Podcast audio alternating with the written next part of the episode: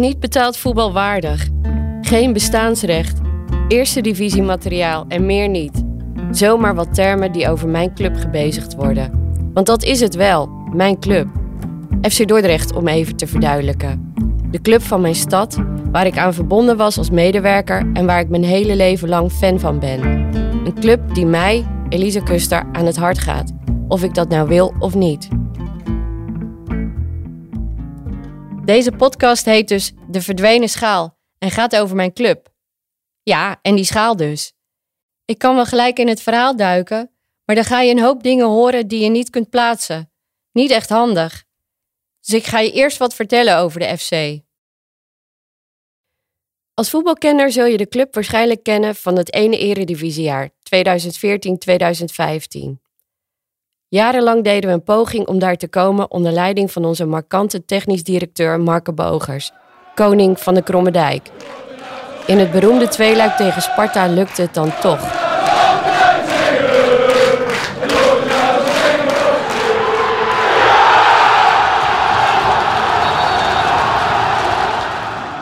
Emotie aan de Krommendijk. FC Dordrecht gaat door naar de eredivisie. Promotie na 20 jaar. Ja, de mensen zijn niet meer te houden. Ja, het, uh, het zat erin. Hè. Het, was, uh, het was wat makkelijk te voorspellen sinds die 2-2. Maar uh, dit is grandioos. Dit is ja, echt. dat heb gedaan, jongen. Ja, ja, ja, ja zeker. Lekker, zeker. Lekker. zeker. En omschrijf nu eens even je eerste gevoel. Nou, het eerste gevoel is een gigantische opluchting. Want het was even angst dat, dat Sparta toch nog iets geks zou doen. Maar ze hebben de kans niet gekregen. Eenmaal in de eredivisie bleken we te groot voor het servet, maar te klein voor het tafellaken. Degradatie konden we niet ontlopen, maar we wisten wel te winnen van Ajax in de laatste wedstrijd. Dordrecht degradeert en speelt als laatste wedstrijd dit seizoen in de eredivisie tegen Ajax. Van Haren. Ja, Van Haren! Toch! Nou ja, iedereen gunt dat toch wel. Uh, FC Dordrecht, ja niet iedereen misschien, maar Iedereen die een beetje sympathie heeft voor het spel van Dordrecht dit seizoen... zal tevreden zijn met dit schot en deze treffer en deze stand. De jaren na de Eredivisie vielen ons zwaar.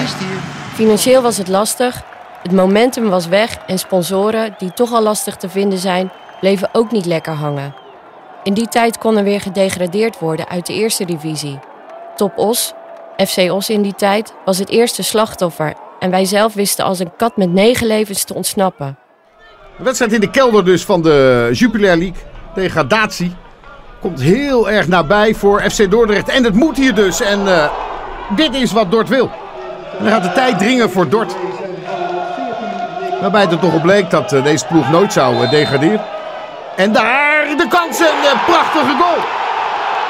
Als je al voor opluchting kan zorgen dan is dat precies wat uh, Alkan hier doet. Die Turkse verdediger. Want uh, niet in de dekking. Snoeihard langs de loeken.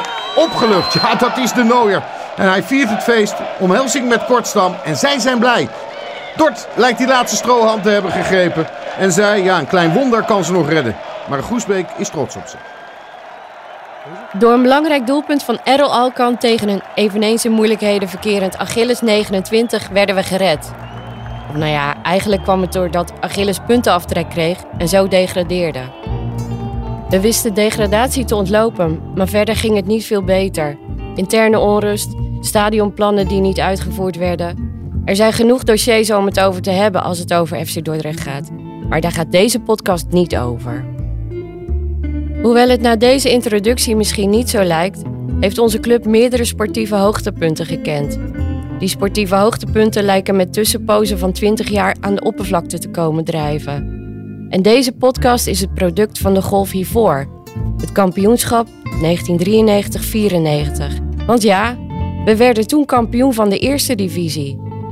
Om die tijd wat beter te duiden probeer ik alles even op een rijtje te zetten. Belangrijk om te weten is het volgende. We hebben niet altijd FC Dordrecht geheten. Sterker nog, FC Dordrecht is niet eens de club waar ik verliefd op ben geworden. In 1979 werd onze club door directeur van de oliemaatschappij Friesel, Nico de Vries, veranderd van FC Dordrecht naar Drechtsteden 79. Kortweg DS 79. DS 79. 79, DS wordt kampioen.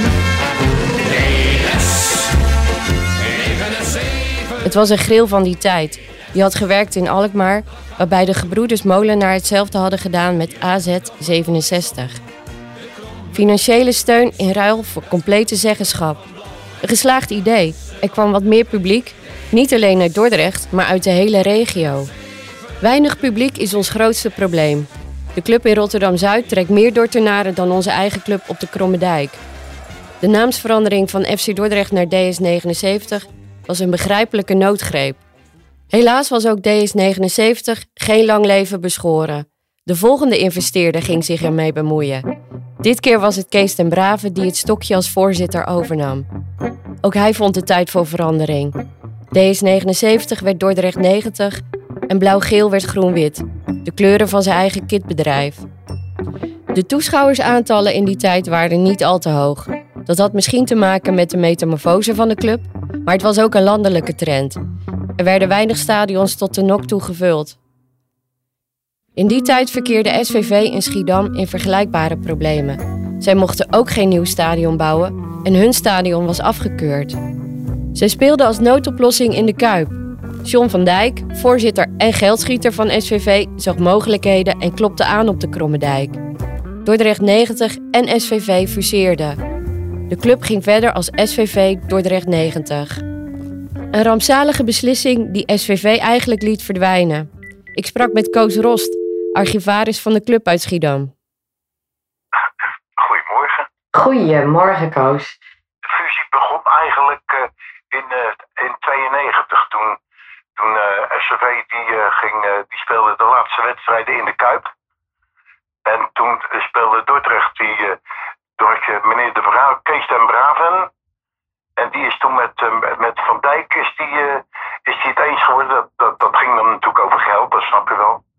En die, uh, toen, toen, is, toen zijn ze samen tot, tot overeenstemming gekomen en daar stonden de kranten vol van hoor. 91, 92, toen, uh, toen kwam die fusie. En toen kwam op, op, een gegeven moment zien wij, dus het, ja, we waren nog maar met een paar honderd mensen in de Kuip. De laatste wedstrijd tegen NAC. En op een gegeven moment zitten wij in, in de Kuip en dan zien we de, een delegatie aankomen met die grote, uh, met die grote Den Braven en uh, nog wat uh, assistenten van hem. En die kwamen naar de Kuip. Toen, zei ik, toen zeiden wij tegen elkaar, oh, het is al geregeld. dat is de fusie, maar goed. Ja, en toen waren jullie... Dat is emotioneel, hè? Dat is ja. hoe, ik, hoe wij het toen zagen, hè? Nee, ja, dat snap ik. Dat zou voor ons ook niet anders zijn. Voor elke voetbalsupporter is dat bizar. En dan was het toch zo dat, ja, wij, wij dachten natuurlijk ooit, uh, dachten we dat we niet meer uit Schiedam weg zouden gaan. Maar dat, toen bleek ineens dat, we, uh, dat de, de club naar Dordrecht ging. Nou, klaar. Ja, mensen uit Schiedam gingen niet naar Dordrecht toe. Nee, nee, ja. Dat was niet zo. Nee, het is, het is niet meer je club dan. Wat zeg je? Het is dan niet meer op die manier je club. Als... Nee, de mensen zien dat niet meer als, als hun, nee. uh, als hun uh, hoe heet het, of weet dat, als hun de grond waar ze zich mee verbonden voelen eigenlijk. Nee, nee als wij zouden fuseren met, uh, ik zeg maar wat, NRC, dan, ja, dan houdt het ook op. En dan kan je nog eventjes er naartoe gaan voor de jongens die je altijd gekend hebt, van het elftal. Maar daarna gaan die ook weer, dat, dat verspreidt zich ook wel weer. En dan, uh, da, en dan het als het ware een beetje dood eigenlijk. Ja. Maar ik heb nog steeds een warme band bij Dordrecht 90 hoor, echt wel. Uit deze roerige tijden kwam het team van 93-94 voort. Een team dat voor weinig publiek speelde, maar wel aardige spelers had. Mede mogelijk gemaakt door Kees den Brave. In een tijd dat de aandacht van het Nederlands voetbal bij het grote Ajax lag, werd Dordrecht 90 voor een select publiek kampioen van de eerste divisie. Doelpunten gaat Breedveld maken, denk je? Twee. Twee? Programma's, één gulden. Halverwege de eerste helft van Wattem. Zeta let er niet op. En dan is geen buitenspel. Breedveld, 1-0 komt daar Woude. En daar is 1-0. Maar Woude stond toch buitenspel, uh, vragen de Fortunezen zich af. Maar Schuurmans wijst naar het midden. Dordrecht 90, Fortuna Sittard 1 tegen 0. Doelpuntenmaker de kleine, maar o zo bendige Romeo Wouden. We gaan eens kijken hoe lang scheidsrechter Schuurmans er nog bij gaat tellen. En Dordrecht 90 kan het kampioenschap vieren. Dordrecht 90 behaalt door de overwinning op Fortuna Sittard deze zondagmiddag het kampioenschap van de eerste divisie. Het enige doelpunt was te noteren in de 23e minuut. Wouden die daar het doelpunt mocht maken. En Kees en Brave is na één jaar eerste divisie weer terug in de eredivisie. De champagne kan ontkeurig worden. Dordrecht 90 kampioen. Daar is dan de schaal. De welverdiende kampioenschaal wordt getoond. Juist, dat brengt me bij het eigenlijke onderwerp van deze podcast: de schaal. Een gek verhaal over de trofee die bij het kampioenschap hoorde. In Amsterdam hebben ze de 34, in Eindhoven 24, in Rotterdam 15, allemaal netjes op een rijtje. Maar hoeveel is zoiets nog waard? Het is zoals regen en zonneschijn. Als er altijd zon is, waardeer je hem dan nog? Terwijl je in de regen loopt te klagen dat de zon maar weer eens moet gaan schijnen. Mijn club, FC Dordrecht, heeft er maar twee. Twee schalen. En niet eens in de hoogste divisie. De schaal uit 94 is weg. En het laatste wat ik erover hoorde is dat hij het graf inging. Na de uitreiking is de prijs nooit meer gezien. Niet te vinden op de Krommedijk, niet te vinden in een mooie prijzenkast. De schaal verdween op mysterieuze wijze na het vieren van het kampioenschap. Uh, uiteindelijk hebben we daar natuurlijk op het bordes, op het met, de, met de schaal gestaan.